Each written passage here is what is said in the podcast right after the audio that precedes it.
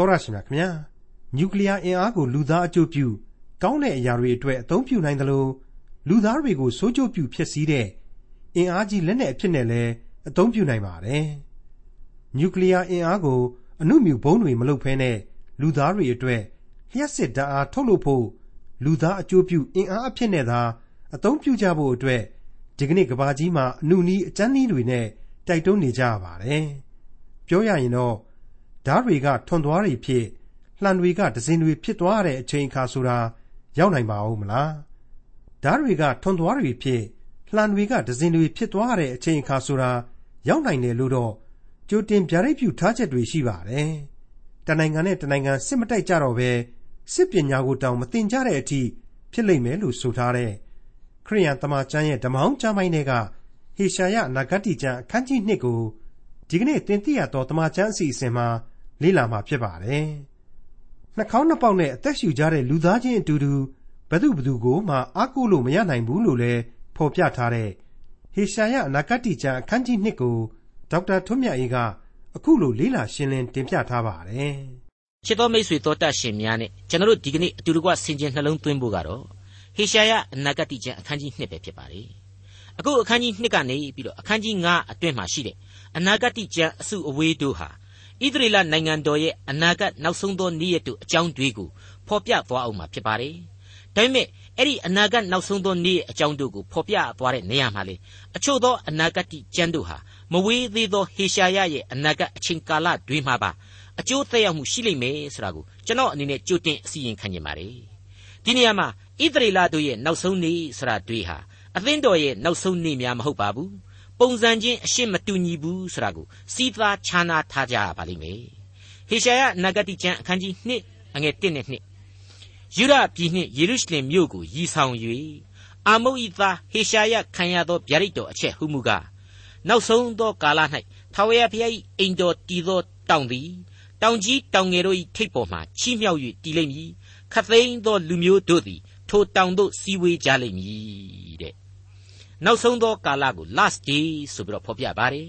ကျွန်တော်ပြောခဲ့တဲ့အတိုင်းပဲဣသရေလလူမျိုးတော်နှင့်သားလျင်တိုက်ရိုက်သက်ဆိုင်ပါတယ်အသင်းတော်ဟာအကျုံးမဝင်ပါဘူးအသင်းတော်နဲ့ပတ်သက်ပြီးတော့အနာဂတ်ဖော်ပြချက်အတော်များများကိုတိမောသေဩဝါဒစာကြီးမှာကျွန်တော်တို့ကြိုတင်ပြီးတော့လေ့လာသင်လာပါတယ်ဥပမာတွေအနေနဲ့ပြောရမယ်ဆိုရင်တိမောသေဩဝါဒစာပထမစာဆောင်အခန်းကြီး၄အငယ်၁နဲ့2ကိုကြည်ပါဝိညာဉ်တော်သည်အတိအလင်းဗျာဒိတ်ထားတော်မူသည်က နောင်ကာလ၌ဩတ္တပစိတ်တွင်တန်ဘူးနှင့်ခတ်ခြင်းကိုခံပြီးလျင်မှုသာစကားကိုပြောတတ်သောသူတို့၏လျှို့ဝှက်ခြင်းအပြင်လူအချို့တို့သည်ယုံကြည်ခြင်းကိုစွန့်ပယ်၍လှည့်ပြားတတ်သောစိတ်ဝိညာဉ်တို့၌၎င်းနတ်ဖျားတို့နှင့်ဆက်ဆိုင်သောဩဝါဒတို့၌၎င်းမှီဝဲစည်းကပ်ကြလိမ့်မည်အဲ့ဒီလိုဖော်ပြထားတာကိုတွေ့နိုင်ပါတယ်အဲ့ဒီတိုင်းပါပဲတိမောသေဩဝါဒစာဒုတိယစာဆောင်အခန်းကြီး3အငယ်1မှာကြတော့နောင်ကာလသည် ခဲရင်သောကာလဖြစ်လိမ့်မည်ကိုသိမှတ်လောဆိုပြီးတော့ဖော်ပြထားပါတယ်။ဒါရီယာအသင်းတော်ကိုတည့်ရရည်ညွှန်းတဲ့နောင်ကာလတွေဖြစ်ကြပါတယ်။အခုဣသရေလရဲ့နောက်ဆုံးသောနေ့ရက်များနဲ့တူညီခြင်းမရှိပါဘူး။မတူညီတဲ့နေရာမှာအချိန်ကာလကအစမတူညီနိုင်ပါဘူး။အခုဣသရေလရဲ့နောက်ဆုံးသောနေ့ရက်များဆိုတာဟာ tribulation period လို့ခေါ်တဲ့ခဲရင်ဆိုးရုပ်သောကပ်ကာလဒုက္ခဆင်းရဲခြင်းများကြီးစွာခံစားရကာလဖြစ်ပါတယ်။ ယုံကြည်သူအသင်းတော်ကိုကောင်းကင်ဘုံသို့သိမ်းဆည်းပြီးမှဣသရေလနဲ့ကြံကဘာလောကရဲ့သီးသန့်ကပ်ကာလာလို့ကျွန်တော်တို့ဆိုချင်ပါတယ်ရှင်မသက်ခရစ်ဝင်ကျမ်းထဲမှာတပည့်တော်တွေကနေပြီးတော့အဲ့ဒီခေရင်ဆိုးရုပ်တဲ့အနာဂတ်အချိန်ကာလအကြောင်းကိုမေးမြန်းတဲ့အချိန်ခရစ်တော်ဟာအဲ့ဒီဣသရေလရဲ့နောက်ဆုံးသောအချိန်အကြောင်းတွေကိုဖော်ပြပေးခဲ့တာကိုကျွန်တော်တို့တွေ့ရပါတယ်အချင်းချုပ်မြပြန်ပြီးတော့သတိရနိုင်အောင်လို့ရှင်မသက်ခရစ်ဝင်ကျမ်းအခန်းကြီး24အငယ်9မှ14ကိုကျွန်တော်ပြန်ပြီးတော့ဖတ်ပြခြင်းပါတယ် မိတ်ဆွေတို့နားဆင်ကြည့်ကြပါလူတစ်မျိုးနှင့်တစ်မျိုးတနိုင်ငံနှင့်တနိုင်ငံရံပက်ပြုကြလိမ့်မည်အရရက်တို့၌အစာခေါင်းပါခြင်းကာလနာများပြားခြင်းမြေကြီးလှုပ်ခြင်းတို့သည်ဖြစ်ကြလိမ့်မည်ထိုအမှုအရာတို့သည်ဒုက္ခဆင်းရဲခြင်း၏အစအဦးဖြစ်သည်ထိုကာလ၌လူများတို့သည်တင်တို့ကိုညှင်းဆဲခြင်းအသေးသက်ခြင်းကိုခံစေခြင်းငှာအနှံကြလိမ့်မည်ငါ၏နာမကြောင့်လေခသိန်းသောလူမျိုးတို့သည်တင်တို့ကိုမုန်းကြလိမ့်မည် ထိုကာလ၌အများသောသူတို့သည်ဖောက်ပြန်ခြင်းသို့ရောက်၍အချင်းချင်းတယောက်ကိုတယောက်အပ်ကြလိမ့်မည်အချင်းချင်းမုန်းကြလိမ့်မည်မိစ္ဆာပရောဖက်အများတို့သည်ပေါ်လာ၍လူအများတို့ကိုလှည့်ပြားကြလိမ့်မည်မတရားသောအမှုတို့သည်များပြားသဖြင့်အများသောသူတို့၏ချစ်ချင်းမေတ္တာသည်ခေါင်းပါလိမ့်မည်အအကျဉ်သူသည်အဆုံးတိုင်အောင်တည်ကြည်၏ထိုသူသည်ကယ်တင်ခြင်းသို့ရောက်လိမ့်မည်လူမျိုးအပေါင်းတို့အားသက်သေဖြစ်မည်အကြောင်းနိုင်ငံတော်နှင့်ရှင်သောဧဝံဂေလိတရားကို လောကီနိုင်ငံအရရရှိသမျှတို့၌ဟောရလိမ့်မည်တို့ပြီးမှအဆုံးသည်ဖြစ်လက်တံတဲ့အဲ့ဒီလိုကယ်တင်ရှင်သခင်ခရစ်တော်ကိုတော်တိုင်ဖော်ပြခဲ့ခြင်းပါပဲကျွန်တော်တို့သင်သိရသောသမာကျမ်းဟာအဲ့ဒါဟာဣသရေလတို့ရဲ့နောက်ဆုံးသောနေ့ရက်များဣသရေလတို့ရဲ့ဒုက္ခခံစားရာကပ်ကာလ tribulation period ရဲ့သရုပ်ပဲလို့ပြတ်သားစွာခံယူပါတယ်နောက်ထပ်အဲ့ဒီကျမ်းမှာပဲဆက်ပြီးတော့အခုလိုဖော်ပြထားပြန်ပါသေးတယ်အငယ်15ကနေ22အတွင်းမှာ ရှင်းနေအောင်တွေ့ရတဲ့အချက်တွေပါပဲထို့ကြောင့်ပရောဖက်ဒံယေလဟောသည့်အတိုင်းဖြည့်စည်းတတ်သောယွန်ရှာပွဲအရာသည်တန်ရှင်းသောအယက်ဌာန၌စိုက်နေသည်ကိုသင်တို့မြင်ရလျင်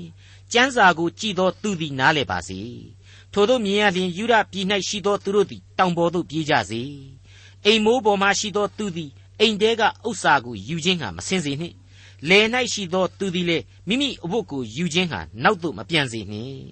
ထိုနေ့ရက်၌ကိုဝန်ဆောင်သောမိမနှင့်နို့ဆိုသူငယ်ရှိသောမိမတို့သည်အလွန်ခက်ကြလိမ့်မည်သင်တို့ပြေးရသောအချိန်သည်ဆောင်းကာလ၌မကြဥပုပ်နေ့၌လည်းမကြမီအကြောင်းဆုတောင်းကြလော့အကြောင်းမူကားကဘာဥမစ၍ယခုတိုင်အောင်မဖြစ်စဘူးနောက်၌လည်းမဖြစ်လက်တန့်သောကြီးစွာသောဒုက္ခသည်ထိုကာလ၌ဖြစ်လိမ့်မည်ထိုကာလတာရှိလျင်အဘယ်သူမျှမလွတ်နိုင်ရာရွေးချယ်သောသူတို့အဖို့အလို့ငှာထိုကာလသည်တိုလိမ့်မည် မိတ်ဆွေအပေါင်းတို့အဲ့ဒီလောက်အထိကြောက်မဲ့ဖွယ်ကာလကြီးဟာခရစ်တော်ရဲ့ကောင်းကင်နိုင်ငံတော်မြေပေါ်မှာတည်ထောင်ခြင်းမှာတော့ပြီးဆုံးသွားလိမ့်မယ်လို့ကျွန်တော်ခံယူပါတယ်အခုဟေရှာယဖော်ပြနေတဲ့ဣသရေလရဲ့နောက်ဆုံးနေ့များဟာကကာလနဲ့ခရစ်တော်ရဲ့နိုင်ငံတော်တည်မဲ့အချိန်ကိုခြုံငုံဖော်ပြခြင်းပဲလို့ကျွန်တော်တို့ခံယူပါတယ်အခုဆိုရင်ခရစ်တော်ကိုယ်တော်တိုင်အုပ်ချုပ်မဲ့နိုင်ငံတော်အကြောင်းကိုထာဝရဘုရား၏အိမ်တော်တည်သောတောင်သည် တောင်ကြီးတောင်ငယ်တို့၏ထိပ်ပေါ်မှာချီးမြှောက်၍တည်လိမ့်မည်ဆိုပြီးတော့ဟေရှာယမှတဆင့်ဖော်ပြပေးလိုက်ပါတယ်ချီးမြှောက်၍တည်ခြင်းဖြစ်ပါတယ်လောကကဘာသစ်လို့ဆိုခြင်းဖြစ်နိုင်ပါတယ်အတိုင်းတိုင်းအနိုင်နိုင်ငံတို့ဟာဒီနိုင်ငံတော်သစ်ရဲ့လက်အောက်ကိုရောက်လာကြရမယ်ခသိန်းသောကပလူမျိုးတို့ဟာထိုနိုင်ငံတော်ကိုလာရောက်စည်းဝေးကြရလိမ့်မယ်ဆိုပြီးတော့ဖော်ပြလိုက်ပါတယ်အဲ့ဒီလိုအိမ်တော်တည်သောတောင်သို့မဟုတ်နိုင်ငံတော်မြေပေါ်မှာတည်ထောင်ခြင်းအကြောင်းကိုပရောဖက်ဒံယေလဟာ သူ့ရဲ့ဒံယေလအနာဂတိကျမ်းမှာဗျာဒိတ်မြင်ခဲ့ရကြောင်းကိုသူ့ရဲ့ကျမ်းအရာအခုလိုဖော်ပြထားပါတယ်ဒံယေလအနာဂတိကျမ်းအခန်းကြီး2အငယ်34နဲ့35ကိုပြန်လည်ဖတ်ရှုပြပါရစေကိုတော်သည်ကြည့်ရှုတော်မူစဉ်လက်ဖြင့်မထုမလုပ်ဖဲအလိုလိုဖြစ်သောကြောက်တလုံးသည်တန်နှင့်သရွတ်ဖြစ်သောရုတ်ထု၏ခြေကိုထိခိုက်၍ချိုးဖဲ့သည်ရှိသောတန်သရွတ်ကြေးဝါငွေရွှေတို့သည်ကျိုးပဲ့ကြေမွလျက် ຫນွေကာလ၌ကောက်နေတလင်းအမှုန့်ကဲ့သို့ဖြစ်သည်ဖြင့်လေတိုက်လွှင့်၍သူတို့နေရာမရှိပျောက်လေ၏ရုတ်တုကိုထိခိုက်သောကြောက်မူကားတိုးပွားသဖြင့်တောင်ကြီးဖြစ်၍မြေကြီးတစ်ပြင်လုံးကိုဖုံးလွှမ်းသည်ဟုမြင်မဲ့တော်မူ၏မိษွေတော်တတ်ရှင်အပေါင်းတို့ခမညာအခုဆိုရင်အဲ့ဒီလိုကောင်းကင်နိုင်ငံတော်မြေပေါ်မှာတည်ခြင်းမှာ လူမျိုးတော်ဣတရီလအားဖြင့်လူသားအားလုံးကိုးကွယ်ရာဖြစ်တဲ့အရှင်သခင်ကိုကမ္ဘာလောကတစ်ခုလုံးဟာပြတ်ဝတ်ကိုးကွယ်လာကြရလိမ့်မယ်ဆိုတဲ့အကြောင်းကိုဟေရှာယကနေပြီးတော့ဆက်လက်ပြီးတော့အနာဂတ်ပြုပေးလိုက်ပါတယ်ဟေရှာယအနာဂတ်ကျမ်းအခန်းကြီး2အငယ်3နဲ့4များပြားသောသူတို့ကလည်းလာကြလော့ထာဝရဘုရား၏တောင်တော်ယာကုပ်အမျိုး၏ဘုရားသခင်အိမ်တော်သို့တက်သွားကြကုန်အံ့လန်ခရီးတော်တို့ကိုပြတ်သသွန်သင်တော်မူ၍ ငါတို့သည်ခြေတော်ရာသို့လိုက်သွားကြမည်ဟုခရီးသွားလျက်ပြောဆိုကြလိမ့်မည်တရားတော်သည်ဇီးုံတောင်မှ၎င်းထာဝရဘုရား၏နှုတ်ကပတ်တော်သည်ယေရုရှလင်မြို့မှ၎င်းပေါ်ထွက်လိမ့်မည်ထာဝရဘုရားသည်လူမျိုးတို့တွင်တရားစီရင်၍များပြားသောလူတို့ကိုဆုံးမတော်မူသဖြင့်သူတို့ဓာလက်နှင့်များကိုထွန်သွားဖြစ်စေခြင်းဟာ၎င်းလှံများကိုတစဉ်ဖြစ်စေခြင်းဟာ၎င်းထုလုပ်ကြလိမ့်မည်တပြီကိုတပြီစစ်မတိုက်စစ်အတက်ကိုလည်းနောက်တဖန်မသိရကြ အဲ့ဒီအချိန်ကာလမှာဆိုရင်ယေရုရှလင်ဟာကောင်းကင်နိုင်ငံတော်ရဲ့ဗဟိုချက်မှဖြစ်လာလိမ့်မယ်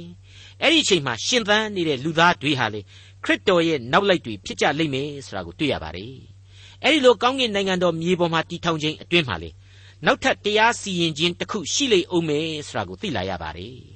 ထာဝရဘုရားသည် လူမျိုးတို့တွင်တရားစီရင်၍များပြားသောလူတို့ကိုဆုံးမတော်မူသဖြင့်သူတို့ဓာလက်နှင့်များကိုထွန်သွားဖြစ်စေခြင်းဟာ၎င်းလှံများကိုတစဉ်ဖြစ်စေခြင်းဟာ၎င်းထုလုပ်ကြလိမ့်မည်လို့ဖော်ပြထားတဲ့အတွက်ကြောင့်ပါအတိတ်ပဲကတော့အဲ့ဒီမြေပေါ်ကကောင်းကင်နိုင်ငံတော်တည်ထောင်ခြင်းမှာသူ့အရင်စောပြီးတော့အတိတ်ကဘုံတော်ဝင်စားခဲ့ပြီးသားဖြစ်တဲ့အသင်းတော်နဲ့ယုံကြည်သူတွေလိုပဲလူသားအပေါင်းတို့အဖို့ ဖဖြောက်မှတ်ခြင်းအခွင့်နဲ့ကယ်တင်ခြင်းကျေးဇူးတော်ကိုဆက်လက်ခံစား권ရှိလိမ့်အောင်မယ်ဆိုတဲ့အချက်ဖြစ်ပါတယ်တရားစီရင်ခြင်းနဲ့တွန်တွဲနေတာကတော့များပြားသောလူတို့ကိုဆုံးမခြင်းဆိုတဲ့အချက်ပါထူးခြားအံ့ဩပွေသောခေတ်ပါပဲမိတ်ဆွေအဲ့ဒီအချိန်ကာလမှာကျွန်တော်ရဲ့လူသမိုင်းနဲ့ပြောင်းပြန်မြင်ကွင်းတွေကိုလည်းတွေ့ရလိမ့်မယ်တဲ့ဟုတ်ပါတယ်ဓာတ်လက်နဲ့များကိုထွန်သွားဖြစ်စီခြင်းဟာ၎င်းလှံများကိုဒဇင်ဖြစ်စီခြင်းဟာ၎င်းထုလုပ်ကြလိမ့်မည်တပြီကိုတပြီစစ်မတိုက် စစ်အတက်ကိုလည်းနောက်တဖန်မသိရကြတဲ့အလွန်အလွန်ငြိမ်းချမ်းသာယာဝပြောတဲ့ခရစ်တော်ကိုယ်တော်တိုင်အုပ်ချုပ်သောခေတ်ရဲ့မြင်ကွင်းပဲဖြစ်ပါလေကျွန်တော်ရဲ့အခုခေတ်နဲ့ရှင်ကြည့်လိုက်ရင်တကယ်မယုံကျင်စရာကြီးဖြစ်ပြီပေါ့ကျွန်တော်မိษွေတို့ရဲ့ခေတ်မှာဆိုရင်လူတွေကအငတ်ခံပြီးတော့စစ်အင်အားတွေကိုတိုးချဲ့နေကြတယ်တိုင်းပြည်ကြီးတွေရဲ့ကာကွယ်ရေးအသုံးစရိတ်ဆရာဟာစကလုံးလှလှကလေးသုံးထတာဖြစ်ပါတယ်အမှန်တော့ လူသက်လက်နက်တွေအတွက်ပြည်သူတွေစီကနေပြီးတော့ငွေတွေညှစ်ယူပြီးတော့သုံးနေတာပဲဖြစ်ပါတယ်ယောလအနာဂတိကျမ်းမှာဆိုရင်အခုဟေရှာယရဲ့ကောင်းကင်နိုင်ငံတော်နဲ့ဆန့်ကျင်ဘက်မြင်ကွင်းကိုဖော်ပြထားတာတွေ့နိုင်ပါတယ်ခဲရင်ဆိုးရုပ်သောကာလအတွက်လည်းဖြစ်ပါတယ်ယောလအနာဂတိကျမ်းအခန်းကြီး3အငယ်30တန်ထွန်သွားများကိုဓာဖြစ်စေခြင်းဟာ၎င်းတစင်များကိုလှန်ဖြစ်စေခြင်းဟာ၎င်းထုလုပ်ကြလော့အာနေသောသူကငါအာကြည့်သည်ဟုပြောဆိုစေတဲ့ အခုကျွန်တော်ရဲ့ခင်မှာလေအဲ့ဒီပုံစံအတိုင်းပဲဖြစ်နေတယ်လို့ကျွန်တော်ခံယူနိုင်ပါတယ်ဒါကြောင့်လဲအခုအချိန်မှာကတ်ကာလဝင်ပြီဆိုပြီးတော့တချို့အယူအဆွဲပြင်းထန်တဲ့လူတွေကခံယူကြတာဖြစ်ပါတယ်ကျွန်တော်ယုံကြည်ခြင်းအရာမဖြစ်နိုင်သေးဘူးလို့ကျွန်တော်တွက်ပါတယ်ကျွန်တော်ယုံကြည်သူအသင်းတော်ကိုသိသိပြီးမှသာလျှင်အဲ့ဒီခဲရင်ဆိုးရုပ်သောကတ်ကာလဆရာဟာရောက်ရှိလာလိမ့်မယ်လို့ကျွန်တော်သင်သိရသောသမာကျမ်းအဖွဲ့ကယုံကြည်ထားပါတယ်မိတ်ဆွေ ကောင်းကင်နိုင်ငံတော်ရဲ့ခေတ်မှာတော့စစ်ဆိုတာအရှင်းမရှိတော့ဘူးအကျွင်းမဲ့ငြိမ်းချမ်းသာယာလာလိမ့်မယ်ဆိုတာကိုဟေရှာယကတဆင့်ကျွန်တော်သိရပြီးပါပြီ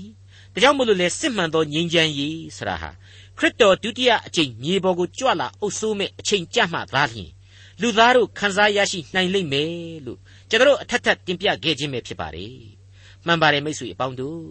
ငြိမ်းချမ်းရေးကြွေးကြော်သံတို့ကိုကြားခဲ့ရတဲ့နှစ်ပေါင်းဟာများလာပါပြီ ကျွန်တော်အဖေတွေအဖိုးတွေခေတ်ကလေးကကြားခဲ့ရတယ်အခုအထိလဲကြွေးကြော်နေကြရစေပဲဖြစ်ပါတယ်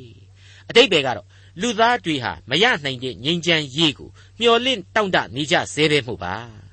လူစရာဟာဇာတိပဂရိအယအစဉ်အပြစ်ရှိပါတယ်အဲ့ဒီလိုဇာတိပဂရိရဲ့အပြစ်တို့ကလွှမ်းမိုးမင်းမှုနေသမျှလူသားတို့ရဲ့ဘောင်ရဲ့ငြိမ်းချမ်းရေးဆိုတာဟာဘယ်တော့မှခိုင်ခိုင်မာမာတည်ရှိလာနိုင်မှာမဟုတ်တဲ့အကြောင်းကိုကျွန်တော်ဆင်ခြင်နှလုံးသွင်းကြဖို့လိုလှပါတယ် အဲ့ဒီလိုဆင်ခြင်နှလုံးသွင်းလေလေစဉ်းစားမိလေလေလေကဲတင်ပိုင်သောအရှင်ငြိမ်းချမ်းရေးအရှင်သခင်ကိုကျွန်တော်ပြတ်ဖို့ကိုးကွယ်ဖို့ပို၍ခွန်အားရရှိလာလိမ့်မယ်ဝိညာဉ်တတ္တိရှိလာလိမ့်မယ်လို့ကျွန်တော်တွေးမိပါတယ်ဟေရှာယနဂတိကျမ်းအခန်းကြီး2အငယ်9မှ9အိုးယာကုပ်အမျိုးသားတို့လာကြလော့ထာဝရဘုရား၏အလင်းတော်၌ကျင်လေကြကုန်အံ့အကယ်စင်စစ်ကိုတော်သည်ယာကုပ်အမျိုးသားဒီဟုသောကိုတော်၏လူတို့ကိုစွန့်ပစ်တော်မူပြီ အကြောင်းမူကားသူတို့သည်အရှိပြည်အတက်နှင့်ကြွယ်ဝ၍ဖိလိတိလူတို့ကဲ့သို့အနာဂတ်ဆရာဖြစ်ကြ၏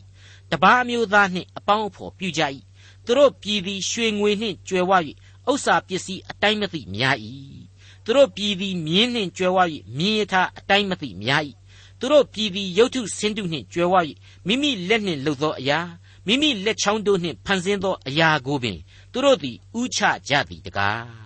ထို့ကြောင့် ရုပ်သောသူလည်းဥနှိမ်ခြင်းမြတ်သောသူလည်းရှုံချခြင်းကိုခံရလိမ့်မည်သူတို့အပြစ်ကိုလည်းကိုတော်သည်လွတ်တော်မမူရာစောစောပိုင်းသင်ခန်းစာတွေမှာလာကြငါနဲ့အတူဆွဲဆိုချက်တွေကိုရှင်းကြရအောင်ဆရာကိုဘုရားသခင်ဆင့်ဆိုခဲ့တဲ့အကြောင်းကိုဖော်ပြခဲ့ပါတယ်အခုနောက်ဆက်တွဲအဖြစ်လာကြအလင်းတော်၌ကျင်လေကြဆိုပြီးတော့ကြားရပြန်ခြင်းဖြစ်ပါတယ်ဒီနောက်မှာတော့ဣသရေလရဲ့အပြစ်တွေကိုထပ်မံဖော်ပြလာပြန်ပါတယ် ဣသရေလဟာပတ်ဝန်းကျင်နိုင်ငံတွေလူမျိုးတွေနဲ့ရော့နှောပြီးတော့နတ်ကိုးကွယ်မှုတွေအကြီးအကျယ်ဖြစ်လာနေပြီအရှင်းဆုံးပြောရရင်တော့ဝန်းကျင်အင်အားကြီးနိုင်ငံကြီးတွေဖြစ်တဲ့အစီးရီးယားဘေဘီလုံတို့အတိုင်းဖြစ်နေပြီစီးရီးယားအီဂျစ်တို့အတိုင်းဖြစ်နေပြီဒီဒီနိုင်ငံတွေဟာဘုရားသခင်ကိုမကိုးကွယ်တယ်လို့သူတို့လည်းမကိုးကွယ်တော့ဘူး သူတို့တွေဟာပိုက်ဆံတွေသူတို့လက်သမားပပုသမားအတတ်ပညာတွေနဲ့ထုလုပ်တဲ့နတ်တွေကိုကိုးကွယ်တဲ့လမ်းစဉ်အတိုင်းပဲဣသရေလဟာလည်းရော့ရောင်ပြီးတော့နတ်တွေကိုကိုးကွယ်နေခဲ့ပြီဆိုတာကိုဟေရှာယမှတဆင့်ဆက်လက်အပြစ်တင်ဖော်ပြပေးလိုက်ပါတယ်ဟေရှာယအနာဂတိကျမ်းအခန်းကြီး2အငယ်30မှ16ထာဝရဘုရားသည်မြေကြီးကို၆လှန့်အံ့သောငါထတော်မူသောအခါဖျားကိုကြောက်ချင်းအရှိန်ပဘုံတကိုအာနုဘောတော်အရှင်ကြောင့်ကြောက်သေးသို့ဝင်လော့ မြေမှုန့်၌ပုံ၍နေလော့ထိုကာလ၌လူတို့၏မော်သောမျက်နှာကိုနှိမ့်ရမည်လူတို့၏မာနကိုလည်းရှုံချရမည်ထာဝရဘုရားတပါးကြီးသားလျှင်ချီးမြှောက်ခြင်းသို့ရောက်တော်မူလိမ့်မည်ကောင်းကင်ဘိုးကြီးအရှင်ထာဝရဘုရား၏နေ့ရက်ကာလသည်ကြီးမြင့်သောအရာနှင့်မိုမောက်သောအရာရှိသမျှတို့ကိုစီတာ၍သူတို့သည်နှိမ့်ချခြင်းရှိကြရလိမ့်မည်ကြီးမြင့်သောလေဗနုန်အာရစ်ပင်ရှိသမျှကို၎င်းဘာရှန်သပိတ်ပင်ရှိသမျှကို၎င်း မြင့်သောတောင်ရှိသမျှကို၎င်းမိုမောက်သောတောင်ဖို့ရှိသမျှကို၎င်းမြင့်သောရဲရိုက်ရှိသမျှကို၎င်းခိုင်ခံ့သောမြို့ရိုးရှိသမျှကို၎င်းတာရှုသင်္ဘောအပေါင်းတို့ကို၎င်းနှစ်သက်ဖွယ်သောယူပါယုံအလုံးစုံတို့ကို၎င်းစီတာလိမ့်မည်မိတ်ဆွေတော်တတ်ရှင်အပေါင်းတို့ကိုကိုကိုအစိုးရတယ်ထင်တဲ့လူမာနာလောကကိုအောင်တယ်လို့ထင်တဲ့လူဝါဒသမားတွေကိုနလန်မထူအောင်နှိပ်ကွပ်ပြစ်လိုက်မယ်လို့သတိပေးလိုက်ခြင်းပဲဖြစ်ပါလေ ဒါဟာနောင်တနဲ့ကြိုးပဲ့ကြေမွသောနှလုံးသားနဲ့သားလျှင်ဘုရားသခင်စီကိုဝင်လို့ရကောင်းတယ်ဘုရားသခင်ကိုနှိမ့်ချသောစိတ်နဲ့သားလျှင်ကိုးကွယ်ကြရမယ်ဆိုတဲ့အချက်ကိုပြန်ပြီးတော့သွန်လောင်းအားဖြည့်ပေးလိုက်တယ်လို့ပါပဲနောက်တစ်ခုကတော့ဣသရေလလူတွေသိပ်ပြီးတော့သဘောကျနေတဲ့အခြားသောနတ်ဖျားတို့ကိုပါလျှင်ဖျက်ဆီးပစ်မယ်ဆိုတဲ့အချက်လဲပါဝင်နေတယ်လို့ကျွန်တော်တို့မြင်နိုင်ပါတယ်ဒါအပြင်လောကရဲ့အင်အားအပေါ်အားကိုးမှုကိုယ်အတွေ့အခေါ်အပိဓမာတို့ကိုအားကိုးမှုတွေမှန်သမျှကိုလည်းနှိမ့်ချပစ်မယ် ဘုရားသခင်ရဲ့ဘုန်းတော်ဟာအရာရာတို့အပေါ်မှာတည်နေရလိမ့်မယ်ဆိုတာကိုဖော်ပြပေးလိုက်ပါတယ်ဟေရှာယနဂတိကျမ်းအခန်းကြီး2အငယ်16မှ19ထိုကာလ၌လူတို့၏မာနကိုရှုံချ၍လူတို့၏စိတ်မြင့်သောသဘောကိုနှိမ့်ရမည်ထာဝရဘုရားတပါးရီသာချီးမြှောက်ခြင်းသို့ရောက်တော်မူလိမ့်မည်ရုတ်တုစင်တုတို့သည်ရှင်းရှင်းကွယ်ပြောက်ကြလိမ့်မည်ထာဝရဘုရားသည်မြေကြီးကို၆လှန့်အံ့သောငါထတော်မူသောအခါ ထိုဘုရားကိုကြောက်ခြင်းအရှိန်ဘုံတကောအာနုဘောတော်အရှိန်ကြောင့်လူတို့သည်ကြောက်တွင်းမြေတွင်းတဲသို့ဝင်ကြလိမ့်မည်အထက်ထပ်ဆွဲမှတ်စေခြင်းတဲ့သဘောနဲ့အကြော့ကြော့ပြန်ပြီးတော့သတိပေးခြင်းပဲလို့ကျွန်တော်ခံယူပါတယ်အခုအပိုင်းအခြားမှာထာဝရဘုရားသည်မြေကြီးကိုခြောက်လှန့်လာတဲ့အချိန်လူသားတို့ဟာဘလောက်အထိကြောက်ကြလန့်ကြရမယ်ဆိုတာကိုကြောက်တွင်းမြေတွင်းတဲသို့ဝင်ကြလိမ့်မည်ဆိုပြီးတော့ဖော်ပြပေးလိုက်ပါတယ် ဗျာဒိတ်ကျမ်းအခန်းကြီး6အငယ်14ကနေ18အတွင်းမှာကျတော့ဒါကိုအတီးပြုတ်ပေးနေတယ်လို့ရှိပါတယ်မိုးကောင်းကင်သည်စားဆောင်လိတ်တကဲ့သို့လွင့်သွား၏တောင်များကျွန်းများအပေါင်းတို့သည်မိမိတို့နေရာအရမှရွေ့ကြ၏လောကီဘရင်မှုမတ်စစ်သူကြီးတထေးသူကျွဲခွန်အားကြီးသောသူမှစ၍ကျွန်းများလူလွတ်များအပေါင်းတို့သည်မြေတွင်း၌၎င်းတောင်ပေါ်မှရှိသောကြောက်များ၌၎င်းပုန်းရှောင်လျက်နေ၍ထိုတောင်များ ကြောက်များတို့ကိုခေါ်လျက်ငါတို့အပေါ်သို့ကြကြပါပလင်တော်ပေါ်မှထိုင်တော်မူသောသူ၏မျက်နှာနှင့်သိုးငယ်၏အမျက်တော်ကိုကွယ်ကာ၍ငါတို့ကိုဖုံးအုပ်ကြပါအမျက်တော်ထင်ရှားသောနေ့ကြီးရောက်ပါပြီတကားအဘယ်သူသည်ခံရနိုင်မည်နည်းဟုပြောဆိုကြ၏မိတ်ဆွေတို့ရရှင်အပေါင်းတို့ခမညာ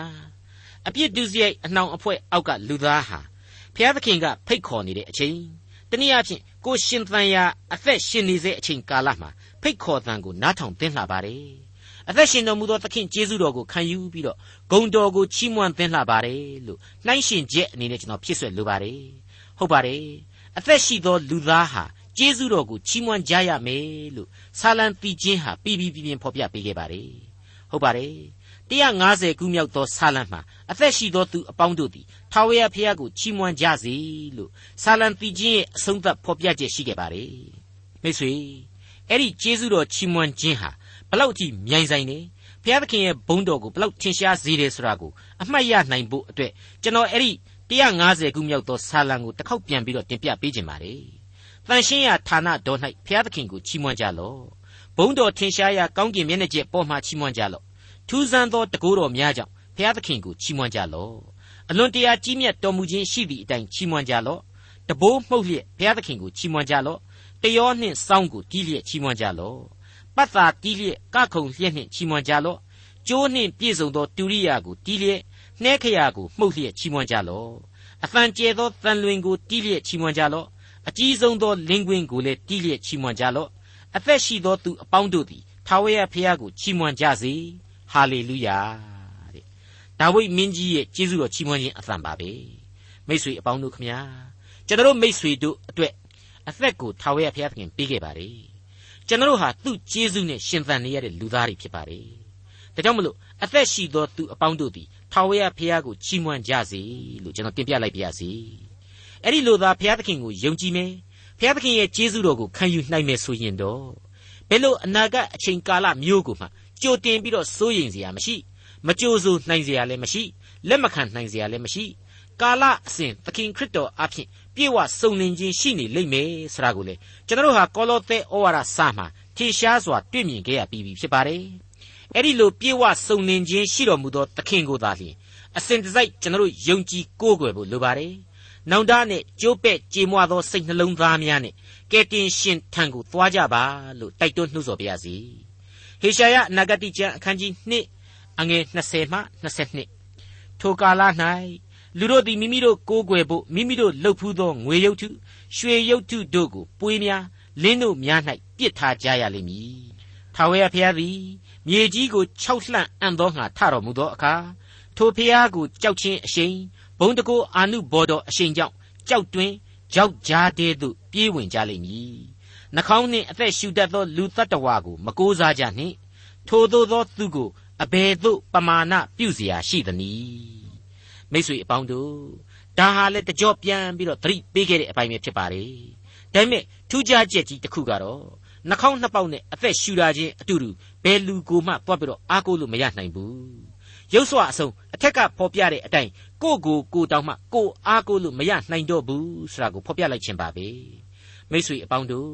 ပြီးခဲ့တဲ့သင်ခန်းစာမှာကလေးကလူအချင်းချင်းကိုအားကိုးမိတဲ့လူတစ်ယောက်ဘဝပြက်ခဲ့ရတဲ့အကြောင်းကိုကျွန်တော်ဖော်ပြပေးခဲ့ပြီးပြီ ကျွန်တော်အဖို့ကယ်တင်ရှင်သခင်ခရစ်တော်မှတပါအခြားအားကိုးစရာမရှိကြောင်းလေးစားစွာတင်ပြပါရစေမိတ်ဆွေအပေါင်းတို့ကပ်ကာလတရားစီရင်ခြင်းအချိန်ကာလမှာကျွန်တော်ယုံကြည်သူအသင်းတော်ဆရာဟာဘုံတော်ဝင်စားဖို့အတွက်သိသိချင်းခံယူခဲ့ပြီးပြီလို့ကျွန်တော်တင်ပြခဲ့ပြီးပါပြီအခုကပ်ကာလသို့မဟုတ်ဒုက္ခဆင်းရဲခြင်းနဲ့ခဲရင်ဆိုးရုပ်သောကာလမှာဣသရေလနဲ့မယုံကြည်သူတို့စီကိုခရစ်တော်ဟာကြွလာပြီးတရားစီရင်မယ် အဲ့ဒီအချိန်ဟာကြောက်စရာအလွန်ကောင်းတဲ့အချိန်ဖြစ်လိမ့်မယ်ဆိုတာတွေ့ကိုဟေရှာယဟာဗျာဒိတ်ပြုနေသလိုအဲ့ဒီကပ်ကာလကုံဆုံးတဲ့အချိန်ကြရင်တော့ကောင်းကင်နိုင်ငံတော်ကိုမြေပေါ်မှာတီးပြီးတော့ခရစ်တော်ဟာကိုတော်တိုင်အုပ်စိုးလိမ့်မယ်ကမ္ဘာလောကဟာခေတ်သစ်ကြီးကိုတိုးဝင်ပြီးတော့အလွန်ငြိမ်းချမ်းသာယာဝပြောလိမ့်မယ်အဲ့ဒီခေတ်အချိန်ကာလမှာနောက်ထပ်တရားစီရင်ခြင်းဟာရှိလိမ့်အောင်မယ်